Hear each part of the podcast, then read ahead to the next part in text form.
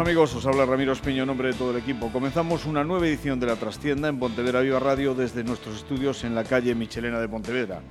Este lunes han dado comienzo los actos conmemorativos del 75 aniversario del Pontevedra Club de Fútbol, con apertura de la exposición en el hall de la Diputación Provincial, autobús personalizado para desplazamientos, conferencias, partido de la selección española sub-21 y un largo etcétera que culminará con una cena el próximo viernes, para la que, por cierto, todavía quedan invitaciones a la venta. Recordad que es en la finca Batacos y que allí se rememorará evidentemente muchos y buenos pasajes del Pontevedra Club de Fútbol. Son limitadas, por cierto, a 500 personas, que es la capacidad máxima del lugar. Y, por supuesto, el partido en Pasarón frente al Lealtad el próximo domingo, que coincide además con la fecha real de la fundación del Pontevedra, el 16 de octubre de 1941. Bueno, pues del pasado glorioso, de la época de Laike Roelo, ya se sabe casi todo.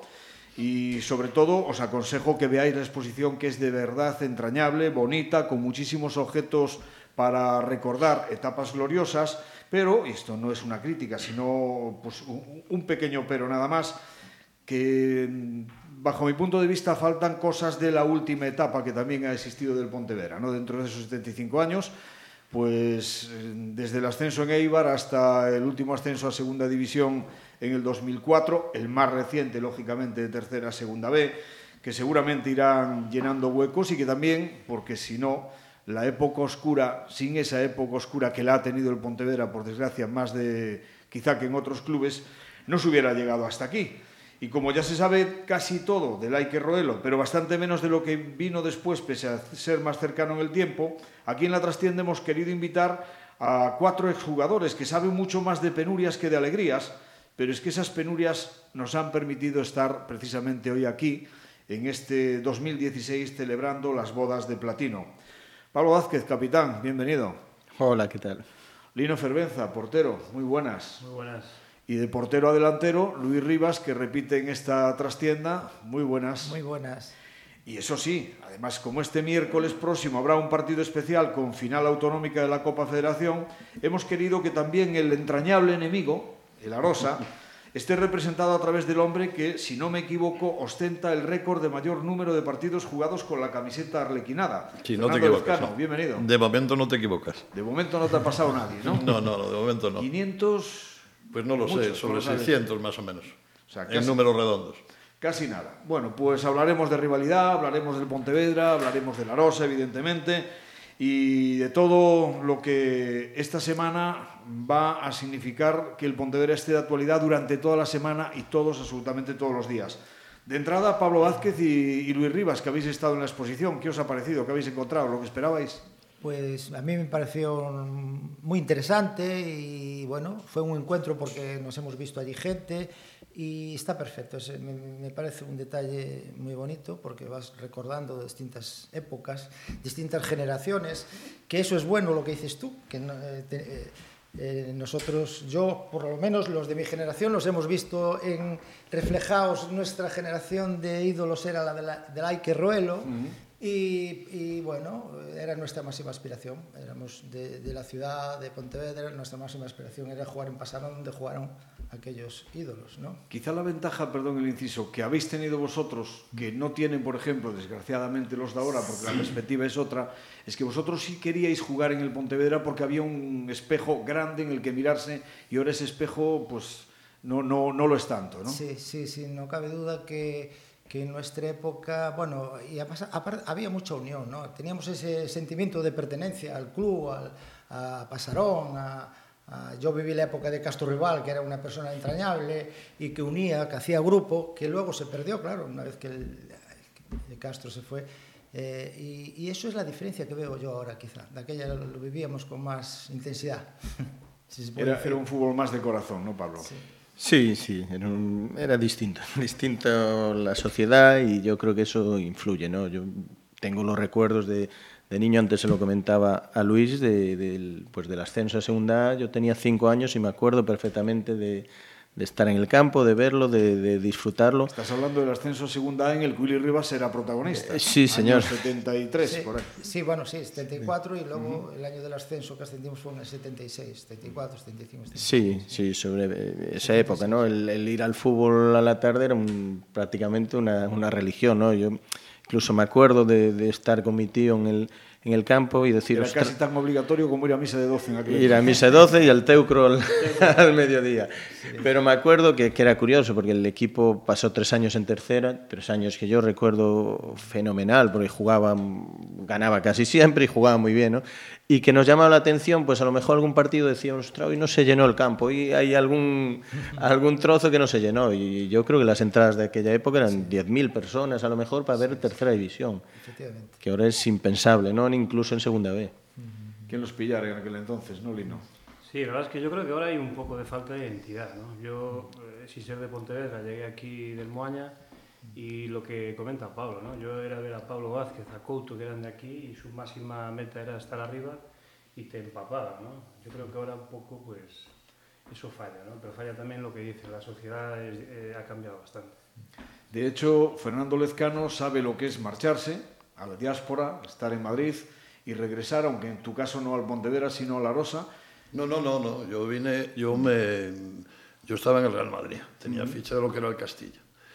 Y yo me venía para el Pontevedra. De hecho, tengo fotos con, con el Pontevedra.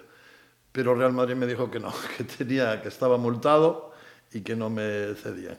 Y en vez de, me dijeron a las cuatro y media en el Bernabéu, y en vez de volver al Bernabéu, cogí un tren y me vine para aquí. No me dejaron el Madrid fichar en el Pontevedra, pero después me dejó en, en el Arosa y fue la mejor decisión que tomé en toda mi vida. Porque aquí se vive infinitamente mejor que en, que en Madrid. Y además, además yo no era tan bueno, o sea que me, me irían cediendo por ahí un año a un sitio, otro, otro año al, al otro. Y quiero decir que yo con el Pontevedra, no yo, yo recuerdo por lo menos a- así a abuela pluma como unos 25 a 30 jugadores que han compartido Arosa y Pontevedra, que han estado en, en los dos equipos. Incluso Castro Rival fue también masajista del, del Arosa. y en mi caso ahora tengo un hijo en Pontevedra. Sí, sí, porque ahora arlequinado por un lado, pero por familia granate. Sí, sí, sí. Y el, y el mayor lleno que hablamos de la historia en, en La Loma fue el año 76, un Arosa Pontevedra, en que eh, quedó tanta gente fuera, que había más gente fuera, incluso que en, que en el propio campo. Y la gente de pie en la tribuna. O sea, fue algo, lo que comentábamos de, la, de lo que era aquella, aquel sentimiento que se tenía hacia, hacia los colores. ¿Y cómo se vivían aquellos partidos, aquellas rivalidades? Porque nosotros lo hemos visto, pero los que nos están escuchando, muchos de ellos muy jóvenes, obviamente no lo recuerdan, ¿no? Y hablarle de, de- de estas cosas, de, de lo que era ya no solo el partido, sino las semanas previas al partido en las que se cruzaba todo tipo de piques deportivos. ¿no? Sí, sí, sí, yo tengo una, una anécdota por un, muy, un poco triste, un poco triste, que el, cuando el Arosa ascendió, que, que vosotros perdisteis la promoción contra el Eibar, creo que estabas tú, Luis, ¿no? Sí, que sí. Nosotros le habíamos ganado una promoción al Eibar Sí. y el Pontevedra, Sí. estábamos el, el, el Pontevedra, el Orense y nosotros para los dos puestos. Pontevedra iba muy destacado. y entonces jugábamos en la Loma. Y mis grandísimos compañeros, Milucho, Soneira, de los que habían jugado en los dos equipos, bueno, pues daban y decían, bueno, allí vamos a ganar 1-4, 1-4, 1-3, 1-5. Y entonces, mm, no digo la casualidad, ganamos 1-0 como podíamos haber perdido. Jope, empezaron que si el campo estaba mal, que si tal. Y yo lo dije, joder, ya está bien. Coño, estáis toda la semana diciendo, pues hombre, yo no digo que seamos el mejor equipo, pero hoy os hemos ganado, tal. ¡Bu! ¿Cómo se puso la prensa contra mí? Además dije, joder, estáis haciendo de fantasmas toda la semana diciendo que nos vais a meter cuatro. Yo dije lo de fantasmas así por ahí. ¡Buah! La prensa, insulto a los compañeros, Tú fuiste un insulto poco tal. No, hombre, pero eso lo dices. La verdad es que era cierto y no me arrepiento, ¿eh? porque ¿cómo vas a decir, oye, le vamos a ganar 1-4, 1-5, cuando llevamos veintitantos partidos sin Pedre? Llevamos veintitantos que batimos un récord. De hecho, ascendimos nosotros. Pontevedra perdió y nosotros ascendimos. Pues en, en esa época eran, los piques eran, eran terribles. Te digo que trascendió incluso ese, ese tema. Luis, ¿te ha marcado Y que alguna vez sanos, Fernando ¿eh? Lezcano? Yo jugué una vez contra el Escano. Sí, sí, leñero. ¿eh? Sí, bueno, Pegaba. ya lo creo. El- no yo no podía ir al cuerpo a cuerpo con él, yo- me ganaba. Pero bueno, aunque a veces yo saltaba antes Sí, también. sí. No, yo no era muy leñero. ¿eh? Que- Tenías, tenías alguno al lado. El que imponía era Carnero. Carnero. Carnero. Carnero. imponía, ese era un... imponía... No, vaya, vaya, vaya pareja de centrales, ¿no? Aunque bueno, de aquella, yo no sé si todavía se jugaba con líbero, central y líbero. Sí, sí, se jugaba con libre. Se empezaba a cambiar, empezaba ya a hacer línea. O sea, de hecho nosotros jugábamos así, es lo que sorprendía. He jugado tres, yo cerraba, pero en la- cuando había la jugada hacíamos la línea. No, no era tan descarado ya el libre, el libre de 5 o 6 metros detrás de, de los tres defensas. ¿no? Ya, ya se igualaba. Vaya por delante que este es un poco un programa del abuelo Cebolleta, ¿no? Contando batallitas e historias, pero yo creo que la ocasión lo merece porque estamos precisamente en una semana de recuerdos, en una semana de conmemoraciones festivas y demás, y que bueno, pues que también hay que hablar de esos momentos en los que no todo era tan bonito como actualmente. Afortunadamente, tanto Arosa como Pontevedra creo que marchan por bastante mejor camino, no son noticia por impagos y por problemas extradeportivos y demás, como sí lo fueron tanto en la época de Fernando como en la época vuestra, ¿no? porque habéis pasado lo vuestro. En, aquellos años en los que se cobraba lo mejor hasta octubre, noviembre más o menos, luego hasta enero ya con dificultades y a partir de ahí a veces sí, a veces más bien no. Sí, cobrar al día era, noticia, ¿no? O sea, cobrar el, el mes puntualmente era prácticamente noticia. Era algo que también te, te, molestaba, ¿no? Porque casi se publicitaba. El Pontevedra cobró el mes y te debían dos meses. O sea, era, era algo... Pero bueno, eh, lo que tú dices, ¿no? Yo creo que, que un poco los últimos tiempos parece que va cambiando esa tendencia, ¿no? Por lo menos a nivel económico, pues son dos entidades más más saneadas, ¿no? De, lo que nos encontramos, pues, por ejemplo, Lini John el, en el 91, 92, creo que que, fuera. llegasteis a poner copas en los pubs y hacer un poco de todo, eh, haceros cargo del club como directivos, o sea, para poder subsistir. Yo recuerdo una negociación con el Celta que tenía Balaídos clausurado para jugar en Pasarón contra la Real Sociedad y Albacete. era. sí. La Sociedad de Albacete. A raíz precisamente de un altercado en un partido Celta-Sevilla, en un Sevilla en el que jugaba Diego Armando Maradona. Sí, sí, sí. Justo, pues ahí eh, un grupo de, de jugadores éramos los que estábamos al frente. Y bueno, eh, no había agua caliente, la luz estaba cortada. Hay una anécdota muy bonita que fue cuando llegó Pedro Rivas, eh, que nos reunió en el club a todos y, y, claro, cogió el club 15 minutos antes de ser entregado a la federación o algo así. ¿no? Y entonces nos llaman al club y dicen, bueno, hay presidente, nos van a pagar, esto se va a arreglar. ¿no? Sé que no cabíamos todos allí en la, en la sala de juntas y cuando sale Pedro Rivas de, de su despacho, eh, seriamente nos dice, eh, chavales, sabéis que la cosa está muy, muy mal, no voy a engañaros, pero tranquilos, porque como dijo un buen amigo mío mexicano, peor es una bala. el, estupor, el estupor fue tremendo, porque empezamos a mirarnos todos como diciendo, bueno, ¿qué pasa aquí? ¿Dónde nos metimos? Y efectivamente, pues él consiguió reflotar la situación, pero jamás me olvidaré de ese momento, ¿no? Genio y figura, Pedro Antonio Rivas. Sí, sí. Por, sorpresa, fíjate que era en, a la sazón director del diario de Pontevedra Sí, sí, justo. y ni sus propios compañeros del diario de Pontevedra sabían que Pedro Rivas iba a presentarse. De hecho, lo hizo, pues eso, cinco minutos antes de concluir el plazo, sin los avales necesarios y pidiéndole a la Comisión Electoral una prórroga para poder reunirlos, ¿no? Luego ya vendría Ramón Crespo, ya vendría eh, Gerardo Lorenzo, etcétera, etcétera, en fin eh, altos y bajos permanentes porque Pontevedra ha sido una montaña rusa durante muchos años. ¿eh? Sí, yo tengo un recuerdo también del, de cuando jugó el Celta, esos partidos, nosotros nos dejaban explotar la publicidad al- a los jugadores, entonces hacíamos los carteles, los, eh, lo- vamos, los pintábamos, primero íbamos a buscar publicidad, o sea, teníamos que gestionar el club, digamos. Y fuimos a taladrar en preferencia, casi se nos cae. Aquello, al meter el taladro estaba todo, todo lo que es el hormigón estaba fatal, ¿no? Pero, pero sí que era, era curioso, ¿no? Hacíamos juntas directivas y nos, nos juntábamos todos, votábamos las, las decisiones. Fue un, la verdad, para los jóvenes fue un- Sí, de hecho una los etapa... familiares echaban una mano los domingos en Pasarón en las puertas de porteros, o sea, fue, es fácil ahora comentarlo, pero fueron momentos muy, muy, muy duros. Cinco meses creo que llegamos a estar sin cobrar. Pero es que conviene, yo creo que conviene recordarlo, porque repito, de todo esto hay que traer, extraer eh, enseñanzas, lógicamente, para que no se vuelva a repetir, ¿no? Porque es que el que llegue ahora o en estos últimos años a Pasarón lo vea tan bonito, nuevo, etcétera, etcétera, pues puede llegar a pensar que siempre ha sido así y que, bueno, pues realmente no ha costado llegar a cumplir estos 75 años. Yo creo que todos los que estamos aquí eh, si nos hacen apostar unos años atrás, diríamos que el Pontevedra desaparecía, que era, era imposible que siguiese, que siguiese subsistiendo. ¿no? Si nos remontamos a esos tiempos era complicado pensar que, que estaría así.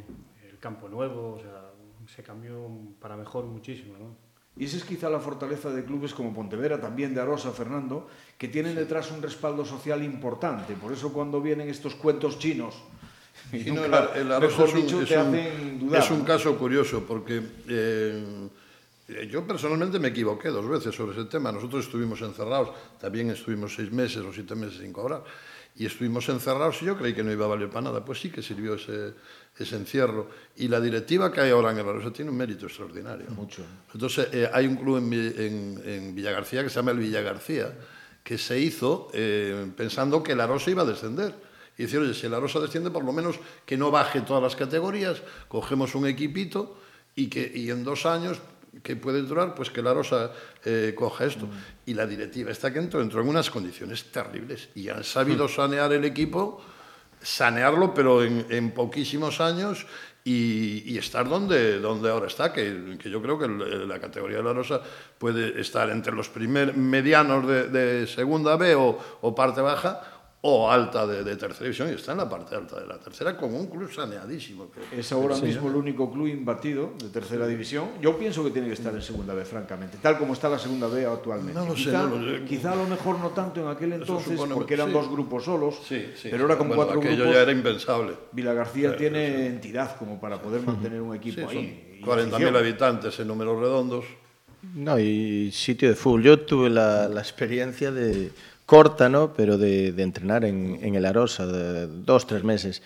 Y me encontré un club totalmente, o sea, deshecho, roto. Era, aquello era ya el primer día que, llegué, o la, primera semana, habíamos jugado con el Pontevedra B, ganáramos, bueno, estábamos, salíamos del descenso. La semana siguiente creo que venía la Londres. Y el miércoles había una reunión en, en el vestuario con los jugadores, pues llevaban siete meses sin cobrar. A los 20 minutos sale Padín del vestuario y dice Pablo, eu non xogo máis. E tal. Pasan outros 10 minutos, sale el primo de Padín, Chiño, outro, outro jugador, Pablo, estos son sinvergüenza. No... O sea, estaban, y de hecho, eh, decidieron no presentarse el domingo. Y estuvieron hasta el domingo a última hora, que yo creo que después le ganamos a la Londres, que eran los favoritos, pues ellos se creyeron que no íbamos a jugar, que o sea, era una situación de total abandono. Y ahora, pues poco a poco, además yo creo que lo están haciendo pues paso a paso, no, no, no quieren ir demasiado rápido. De verdad que desde mi punto y... de vista tiene muchísimo mérito, lo está consiguiendo además con gente de aquí, o sea, sin necesidad, hombre, a ver, que han traído a Cabañes que viene de Madrid, en fin, algún, alguna excepción, ¿no? Pero, pero que no se sale nunca de madre de no gastar lo que no se tiene. Sí, no, de hecho, yo creo que Lupe sigue el, el mismo el mismo camino, o sea, muy con los pies en la tierra, muy trabajando la formalidad, decir lo que, lo que te prometemos, te lo pagamos, y a base de eso, pues el equipo que estábamos comentando la Rosa que fue, vino la gente por eso, porque cobrábamos la prima en la ducha. Yo era el capitán y me decían, toma, y los chavales duchándose, cobrábamos muy poco muy poco. Y el Pontevedra ahora yo creo que se está adaptando muy bien. También sí, está diciendo, oye, eh, cojo una fama de serio y la gente, ¿qué va a pasar con los futbolistas? Lo que, lo que te comentaba Pablo. Eh, tú lo que quieres es tener garantizado eso, porque o tienes una familia o tienes tus necesidades. Y entonces saber que dices, oye, allí tengo esto, pero lo tengo fijo. Eso da un prestigio en club y hace que los jugadores quieran venir. Sí, yo creo que... Eh, yo en mi caso cuando empecé en el Pontevedra había salido de juveniles, de, había jugado en la selección gallega y ya me incorporé y te movía más la, la, ilusión de jugar y no te parabas mucho en los temas de que, lo que te iban a pagar. ¿no? Yo tuve la suerte de empezar en el Pontevedra, me pagaron siempre lo que ellos quisieron y después ya más tarde, bueno, fui traspasado al Elche luego jugué en el Oviedo y luego volví otra vez al Pontevedra. O sea, no tuve problemas, pero siempre me indignó el tema este de que bueno, lo, la, las directivas eh, siempre fueran por delante de sus posibilidades. O sea, no se puede fichar a un jugador si no le puedes pagar, ¿no? Porque, claro, hablamos de fútbol hoy y el reflejo es, es la primera, son los que ganan, pero hay muchos futbolistas en España que tienen problemas con sus clubes. Y es un tema que siempre me indignó. Siempre me indignó porque dije, bueno, yo jugué en tres clubes históricos del fútbol español, nunca tuve problemas. En el Pontevedra, en el Elche y en el Real Oviedo. Y, y, y, bueno, llegaba allí, marchaba y se veía que el dinero... Bueno, después también todas estas cosas mejoraron con la Asociación de Futbolistas y todos estos temas, ¿no? Pero, pero así, así había muchos problemas que realmente es indignante que un jugador venga a jugar a un club y que tenga problemas económicos. Hay que respetarlo y hay que pagar lo que se llega a un acuerdo. Luis Rivas, además, como Lino, tenéis en común la ida y vuelta, ¿no? En vuestro viaje deportivo, porque Luis lo acaba de comentar y tú, Lino, te fuiste a Logroño Sí. Y luego regresaste aquí a Pontevedra. Sí, antes me fuera al, al Hospitalet, al filial del Español, y también volví. Siempre se titulaba eh, en la prensa que más vale malo conocido que bueno por conocer. Entonces siempre me cogieron. Esa, ¿Lo del malo conocido eras tú claro, o era el club? Cuando yo volvía siempre titulaba más vale malo conocido que bueno por conocer. Vente también. Bueno, pues Eh, dando un repaso ¿no? A, al, al pasado precisamente y a hitos importantes que todos habéis vivido. Por ejemplo, Luis, el ascenso a segunda, sí. aquel famoso partido histórico contra el Lemos, de los que ya sabemos lo del balón naranja, etcétera, etcétera. Sí, sí, pero ¿aquel Lemos estaba primado o no? Eh, bueno, se, se dice que sí, y la prensa de la época decía que el Lemos, primado por el Baracaldo se supone pues sí, era el sí, rival. sí eh, lo que se hablaba de aquel entonces era que no era normal que el, que el había hecho un buen partido. Que corrieran tanto. Que corrieran tanto que, que hicieran un partido tan bueno y se hablaba sí se hablaba de que si había un millón de pesetas eso se habló. Y, y no sería porque vosotros temblaban las piernas? Porque a veces eh, un jugador cuando tiene tanta sí, responsabilidad un sale poco, agarrotado y no puede. Un poco de eso pasó también, porque Plaza tuvo un tiro al larguero, Babá tuvo varias ocasiones eh, y hubo varias ocasiones para marcar, pero lo típico, cuando más lo necesitas no te entra el balón, ¿no? Y un poco de eso también pasó, no cabe duda. Pero, pero bueno, yo creo que fue justo el ascenso, porque era un equipo bastante bueno, era un equipo compacto, había, había buenos jugadores en todas las líneas. ¿eh? Era un equipo justo, pero éramos justitos y, y, y las lesiones respetaron bastante eh, toda la temporada los jugadores que estaban jugando habitualmente. No era fácil entrar en el equipo, salir y, y ya te digo, un equipo bastante compacto, bueno, en, en, todas las líneas había gente bueno. Y así fue, así se logró el ascenso, muy justo porque estaba el Baracaldo ahí. Eh, el partido anterior estábamos ahí a punto de tal, pero bueno, yo creo que fue un merecido. Pero fíjate que estamos hablando de un equipo, lo acabas de decir, en el que, para ascender, dos, que vaya, para ascender vaya a segunda Plaza e abajo. Pues. Pero, pero sí, de aquí... Buah. De aquí, y aí voy. por qué durante tanto tiempo hemos vivido de espaldas a, mm. bueno, plaza a la de Soria, nuestro entorno próximo, ¿no? No, teníamos, mira... Sí, pero bueno, Sí, sí tenía, había, había jugadores buenos. Por, el, sí, por ejemplo, la defensa teníamos a Canosa, teníamos a Canosa, a Tuto, teníamos a, a Juan Norá, a, Juan, a Gabriel uf. y había otra defensa más que estaba ahí. Y después en el centro del medio campo estaba, estaba, estaba Plaza, Santos, estaba ¿no? Mutio, defensa, ah, Fernando Santos, sí, claro, sí, Fernando Santos, o sea, había cinco defensas. Sí, sí. Despois estaba Fernando Santos, o digo estaba Amutio, que era un moi bon jugador, estaba Plaza, por supuesto, estaba Sergio, uno que era de Murcia, que era el único así de fuera que había. Sí. sí. Y, Fuerte, llamémoslo. Sí, sí, sí. Sasaín estaba en Y Sasaín también, sí. Los más jóvenes éramos Sasaín y yo. Arriba estaba, estaba Babá, estaba Hidalgo, Domínguez, fíjate Sasaín que, y yo. Fíjate qué diferencia. Los más jóvenes, cuando volviste, te llamaban el abuelo. Sí, sí, cuando volví. Tus compañeros. Sí, sí, sí. Claro, es que Tuve un, la suerte de coincidir Un poco cabroncetes, ¿eh? y ya te digo, era un equipo y bueno, no respetaron las lesiones, no había muchos cambios y bueno, al final se logró el ascenso bastante merecido. Lo que siempre tuvo el Pontevedra, históricamente, fue grandísimos porteros y mayoritariamente de aquí de la tierra, sin necesidad de ir a buscarlos fuera, Lino. Sí, yo creo que aquí siempre eh, salieron buenos porteros, ¿no? Y, y bueno, eh, la razón eh, difícil, ¿no? Pero yo creo que la cantera antes eh, se, cuidaba, se cuidaba más, se daba más oportunidad. Pero bueno, yo creo que ahora también la, los chavales tienen una gran ventaja. Eh, yo, mis últimos años, mi pelea era para que me entrenaran específicamente. ¿no? Ahora ya, ya esa figura ya está consolidada en el fútbol y, y eso, de porteros. eso mejora mucho eh, a un especialista como es el portero. ¿no? Hombre, yo recuerdo que el- uno de los entrenamientos específicos de porteros, por ejemplo, en la época tú lo has nombrado, de Santos ya como entrenador, es que era que se te ponía el punto de penalti y a pegarte cacharrazos directamente, ¿no? A bocajarro. Sí, o pues a las escuadras, ¿no? Pero era el lucimiento del tirador. Entonces ahora se trabaja de otra manera, o sea. Eso sí, yo tengo una anécdota contigo, no sé si la recordarás, eh, entrenando el entrañable y queridísimo Eto Ujú. fenómeno, donde los haya, y de verdad que si este club algún día tiene que hacerle una estatua a alguien, además de, por supuesto, Castro Ruibal, la señora Lola, algunos más, pero a uno de ellos es a, a Eto Rial. Porque lo que hizo este hombre por el Pontevedra, hay mucha gente que no lo sabe. Desde poner dinero de su bolsillo para que algunos pudieran Sí. comer y sin saber ni quién lo cogía. O sea, porque yo creo que esta anécdota ya le he contado en alguna ocasión. Eh, en esos momentos en los que vosotros teníais que hacer de todo para salir adelante, un día llegó, dejó en la mesa camilla, donde se daban los masajes del vestuario, un millón de pesetas de aquel entonces, que era mucho dinero, y le dijo al capitán que cada uno coja lo que necesite.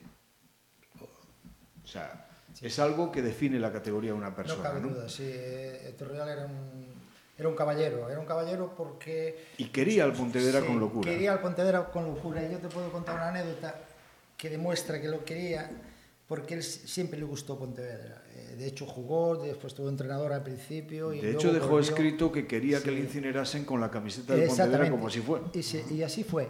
Y fíjate, yo lo tuve en el Elche de entrenador, a, a Real. Y cuando, cuando salíamos en desplazamiento, en, en- en autobús o en avión, me decía, Rivas, ven para aquí, siéntate a mi lado. Y, ¿Y para qué quería hablar conmigo? Quería hablar porque me empezaba Para a de preguntar cosas de Pontevedra. y me preguntaba, a- eh, mira, aquel jugador que era tan bueno, que era de Porto Novo, que le gustaba ser marinero, y decía yo, Nora, ese, ese, Nora. Y luego me preguntaba por cosas, eh, aquel restaurante que estaba en aquella calle, ¿cómo se llama? Calisto, ese De Calisto. verdad que yo es propondría un que hombre- se le pusiese un busto en la Sí, entrada del sí, paseo, ¿eh? sí, sí, porque sí, creo lo que lo merece. Pero lo que te iba a contar de la anécdota, que no queda siendo olvidado, eh, tú sabes que en aquel entonces pues tenías fama, eras muy buen portero desde mi punto de vista, pero un poco palomitero. O sea, te gustaba adornar a veces las paradas, ¿no? Y hay una, una bronca cariñosa, como todas las de él, que te echó en una ocasión Eto Rial, donde a mí me quedó grabada. Te fuiste volando por un balón a la escuadra y que lo podías a lo mejor haber cogido sin tanto, ¿no? Al caer, golpeaste lógicamente y se te escapó el balón. Y salta él, a ver si te acuerdas, ¿qué te dijo? No, no recuerdo, el momento no lo recuerdo. Se pide no parar lo que vayan dentro, pero no meter lo que van fuera. Era- ese era, claro, y Sí. con Goicoechea. Bueno, pero Ali no lo quería casar con su hija. Siempre, ¿no recuerdas cuando nos, nos entrenaba chavales? Siempre le decía, tengo mi hija para ti. Yo es que Eh, yo sí, cuando sí, llegó a Torreal yo me jugaba a quedarme yo y José Pereira, porque estaba, estaba Suso y la, la segunda plaza no la jugamos en la pretemporada, entonces era, era muerte, o sea, era- y yo recuerdo, tenía un pantalón eh, remendado, con parches, o sea, no remendado vaquero, era de colorines, entonces claro, eh, Torreal era una eminencia, o sea, era un respeto, yo era, tenía 18 años, entonces lo veías y, y un día me dice todo serio, ahí va, Lino, usted tiene el pantalón del coño. Entonces, claro, yo me quedo así, ¿viste? ¿Pero por qué me dice eso? Porque está todo el mundo, coño, qué pantalón, coño, qué pantalón. Y yo acojonado, ¿verdad? Y me salió con esa y El pantalón del coño. digo, "Es el pantalón del coño. ¿viste? ¿Qué- qué- ¿Por qué? No, está todo el mundo con el pantalón, coño, qué pantalón. De verdad que de, de las charlas con Eto Rial podríamos llenar varios programas y, y- y libros enteros. ¿eh? Yo lo digo siempre que en los desplazamientos quedarse a charlar con él, además como él dormía poco, dormía mucho la siesta, eso era para él era, vamos, absolutamente sagrada, ¿no? Mucha sabiduría. Pero luego, de noche, las vísperas de los partidos, le encantaba y a veces nos daban a las 6 de la mañana y estábamos en el hall del hotel, venga, dale que te pego, recorriendo historias futbolísticas, e Pero imagínate no te- las que tendría él. No te olvides de, de otro hombre mítico aquí en el Pontevedra que también coincidió en el Arosa hablando de esa de la poscena, que era José Luis Viesca. Sí. pero, pero, José Luis, más que hablar, era con el Nike, con la partida de Tute. Tute va, Tute viene. Sí, sí. Era, era un fenómeno, evidentemente. Como, como otros muchos, ¿no? Bueno, eh, es obvio, las diferencias entre el fútbol de los 80, 90 y el actual es que, vamos, abismales, ¿no? Sí, es diferente, o sea, va evolucionando y ya ves, lo ves en la calle, ves a los niños y, y es otra, es otra historia, otra forma de entenderlo, ¿no? Antes te peleabas por, por eso, por esos colores y ahora un chavalín que destaca un poco, si te descuidas en el colegio ya tiene un representante, ¿no? Entonces, eh, la educación de los padres, o sea, eh, todo ha cambiado y no, no todo para bien, a mi entender. Hay cositas que hablas de la educación de los padres y Fernando como padre ahora de futbolista también seguramente lo vivirá muchas veces. Sí, eso, eh, eso ahí también hay una leyenda negra. Hay una serie de gente, eh, por ejemplo, yo soy pasional, yo lo reconozco, yo me llego al campo y, y mi mujer se va de mi lado, ¿no? Eh. Porque no lo soporta. Lo de pasional, digo. Sí, lo de pasional, pero yo no insulto jamás. O sea, no insulto jamás. Hay una gente que se vuelve absolutamente loca. Y hay, y hay- y hay un campo de aquí que no voy a decir qué, campo es, que los propios chavales salieron con una pancarta pidiéndole por favor a los padres que no viniera. Pero en realidad eso es lo que pasa, se nota mucho ese tipo de gente. Pero qué va, hay muchísima gente que, que, que está, que habla, que lógicamente dices, oye, árbitro, falta o esto, haz esto, haz lo otro. Es que claro, mm, tienes que entender que son tus hijos. Y si con tus hijos no tienes una pasión, pero no, yo no veo, y, y mi hijo lleva pues desde los nueve años jugando, y no, he- no he visto nunca follones de que se llega a las manos, ni nada. Hay mucha leyenda negra de que los padres somos. Los padres no somos mudos y de vez en cuando tenemos que, que hablar. Que algunos se extralimita, pues sí, como esta semana que, que un, un padre le pegó al entrenador porque cambió a su hijo a los 30 minutos. Pero claro, eso es lo que figura, no figura la cantidad de, de padres que, que vamos, que llenamos que llenamos en muchas veces a los campos y, y apoyamos a los chavales, porque nosotros No, aquí lo trabajamos en Monforte, y va gente de aquí a Monforte y viene gente, entonces apoyas a los chavales. No, hombre, y es evidente que los clubs modestos no subsistirían sin la ayuda de los padres que hacen Claro, que ahora tienes que pagar todo, por todo, ¿eh? Que tienes que pagar por todo, que mi hijo está en, el- en la categoría más alta que tiene, ya digo que ya debutó, pero yo he tenido que pagar el- el- la ropa, ¿eh? Pagar la ropa, un chaval que ha estado haciendo la pretemporada eh, con el primer equipo. Sí. Entonces, oye, los padres también somos importantes. Que hay veces que el club que no llega, oye, pues tienes que ayudarlo. Lo que pasa es que sí estaría bien decirle a muchos padres, que eso sí lo hacen, que el entrenador es otro. Y que no Claro, vuelvan loco sí, al crío, que a veces lo Sí, vuelven pero, loco. pero, pero vives esa pasión también, que a veces, te insisto, la vives más que... Porque a mí en, en el campo creo que me echaron una vez en toda mi vida. Y, pero con tus hijos vives de otra... O sea, que lo, lo tuyo de leñero era leyenda negra. No, no, no, le- pero muy leyenda negra. es que yo tenía a mi amigo Moncho Carnero que era el que impresionaba. Y yo, y yo a veces así, sí, cuando venían los filiales, pero eso lo hacíamos todos, ¿no? Cuando te llegaba el filial le decías, oye Moncho, no lo dejes tú romper la pierna que yo lo remato. Pero eso era hablar, para asustarlos, eh, para asustarlos un poco. Pero te digo, una vez me echaron y por hablar. O sea, O que sea, me echaron y por hablar. Si, No, llegáis, era- si llegáis a, si llegáis a jugar ahora con la de cámaras que hay en cualquier campo y demás, Sí, lectura de labios y todo No, esto, pero, vamos. pero Di Stefano le decía a Grifa, al, al central de- del Atlético de Madrid, che, tapate la sotana, porque le, le hacía caña de ponte la sotana. Pero eso sea, lo hacían delanteros, de veras, todos. todos. O sea, eso sí que eh, es algo que ya va más allá de lo que es Pontevedra, Rosa, más cercanos o no. Siempre en el mundo del fútbol ha existido. A mí me hace mucha gracia cuando ahora se habla de lo de provocador, que si Neymar provoca, que si tal. ¿Qué es el fútbol si no engaño? O sea, Sí, tú, totalmente. Si, si no engañas Sí, al rival, no te vas a ir de él. Sí, sí, sí, sí. Pero bueno, eh, una pregunta, Lino, que siempre tuve curiosidad. ¿Qué tiene Moaña para dar tan buenos jugadores y seguir manteniendo a lo largo de la historia siempre jugadores con, con categoría y con, con calidad para llegar incluso a primera división? Yo, ¿Hay algo especial? yo puedo hablar de la parte mía hacia atrás, ¿no? Y, y por, por vivido, ¿no? Ahora lo, lo que voy viendo con aspas y demás. Pero yo creo que el club en sí, la, la gente que formaba el club, la, la, la forma de, de atender a los chavales, yo creo que ahí eh, eso ha sido muy importante, el grupo humano, ¿no? Y bueno, eh, o sea, hay un estudio, un libro publicado por un, bueno, un amiguete que ha sacado un libro diciendo que es la quinta ciudad eh, en proporción donde salen más jugadores de primera división, Moaña. Sí, sí, por eso Ciudad digo. pueblo, ¿no? Y, pe- pero bueno, eh, no sé, la, la clave será una veta de Urano que cruza el pueblo. No, algo, pero- la familia Aspar Juncal está aportando mucho, ¿no? Porque sí. Jonathan, este, el Yago, Yago, eh, Mauro, es de esa familia, con los hermanos, Cristóbal, eh, Adrián Cruz, son todos de la misma familia, que mucha gente no lo sabe, son ocho o nueve futbolistas de segunda vez para arriba, a lo mejor. O sea, la que- alimentación, a mitad de camino entre el mar y lo rural, podemos ir a Fraga que nos dá un pouco a Fraga rural nos dá Ahora estamos aportando hace 20 años hacia aquí Taberna de Lino impulsa a Tomé, olvidáis Tomé que jugó en el Barcelona, Tomé. los hermanos Santomé. Sí, sí. Norio, Norio, Norio, sí. Norio jugó contigo en Elche. Juan Tenorio, sí, jugó sí, conmigo. Sí, sí. sí, sí. Bueno, Miguel. señores, que tenemos que irnos marchando, pero a mí no me gustaría despediros sin que me digáis qué va a pasar el miércoles en Cambados, en Burganas. Ese nuevo derby final de la Copa Federación entre Pontevedra y Arosa. Copa final autonómica, claro. Hombre, gana la losa, pero con la gorra.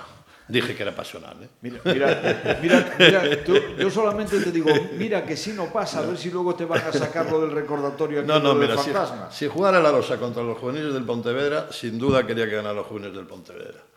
Pero si juega la Rosa contra el Pontevedra, yo quiero que gane. El Pontevedra no se juega nada, le da... Bueno, no se juega, se juega porque es un trofeo, ¿no? Bueno, 3.000 eurillos de entrada. Pero, pero a la Rosa le viene, le viene bien y, y es interesante que se crezcan, que les hace falta pa- para estar ahí arriba. A ver, nadie, nadie es capaz de, de salirle al paso. Ya los he ecuacionado, ¿eh? No, no habéis, no habéis aceptado el reto, no al. Sí, yo no sé, a, a lo mejor lo que dice él, ¿no? Al Pontevedra igual no le interesa demasiado. Entonces, digo porque, porque, bueno, a nivel económico sí, pero a nivel deportivo igual al final es un hándicap, ¿no? Pero aún así seguramente gane, ¿eh? No, no, no lo quiero dejar... No, pasa, va, a ser, va a ser un partido, va a ser un partido competido seguro, ¿no? Porque no sé qué alineación sacará Luisito, me imagino que no sacará el equipo titular y un equipo puntero de tercera como es ahora el Arosa te, te va a competir y va a ser seguramente partido duro, ¿no? No sé qué van a hacer ni Jorge Otero ni Luisito. Desde luego los precedentes en esta competición es que han sacado, y aunque a alguno no le guste, es una evidencia, no es una falta de respeto a nadie, han sacado, digamos, eh, el equipo B, ¿no? Entre, entre comillas. Repito, no es una falta de respeto a los que juegan, sino que es hacer referencia, y vosotros lo sabéis, a los que son menos habituales en las competiciones de liga, ¿no? Porque está claro que si Madrid, Barcelona y compañía se quejan de que tienen que hacer rotaciones por la carga de partidos, ¿qué les queda a los demás, no? Sí, pero es la diferencia, rotaciones a, a B, B y A. Yo creo que estará igualado, ¿no? Si, si es así, nos saca el primer equipo y un equipo de, de tercera puntero, pues se puede ver un encuentro bonito, ¿no? Eso seguro que se va a ver. Vosotros por quién apostáis que Luis y Lino no os habéis mojado. Bueno, yo no sé, si presentan los dos eh, segundos equipos, eh, yo a veces siempre me decanto por el inferior, porque va a jugar más motivado, va a jugar con más motivación que, que el Pontevedra. Hombre, el Pontevedra estuvo a punto de pasarle en bolsas, ¿eh? que tuvo que clasificarse sí, por penaltis. penaltis sí. Mm. sí, sí. Bueno, pues en cualquier caso yo lo que sí les recomiendo es que los aficionados de uno y de otro, de Arosa y de Pontevedra, que vayan a Burgans, que van a ver un, un partido bonito y que si no es bonito da igual, al menos nos va a servir para revivir esas rivalidades que siempre que sean sanas creo que es lo más interesante del fútbol. ¿no? Señores, muchísimas gracias por acompañarnos. Y al lado de una bodega, en Cambados. Una sola. Un- una, una sola. Al lado de, al lado de una bodega. Bueno, ahora cuando, cuando cerremos micro nos haces la ruta del vino, para que podamos platicarla. Os dejamos con nuestra habitual despedida musical, hoy con la colaboración de una colaboración entre cuatro grandes de la música como Eric Clapton, Elton John, Mark Knopfler y Phil Collins, entre otros, casi nada. Se trata de un concierto celebrado en Tokio en el ya lejano año 1988, hoy como veníamos de vintage, pues hasta en la música también, con esta versión del mítico tema Cocaine. Como siempre, que lo disfrutéis. Será hasta la próxima semana que intentaremos que haya más y si podemos también mejor. Muchas gracias, os esperamos.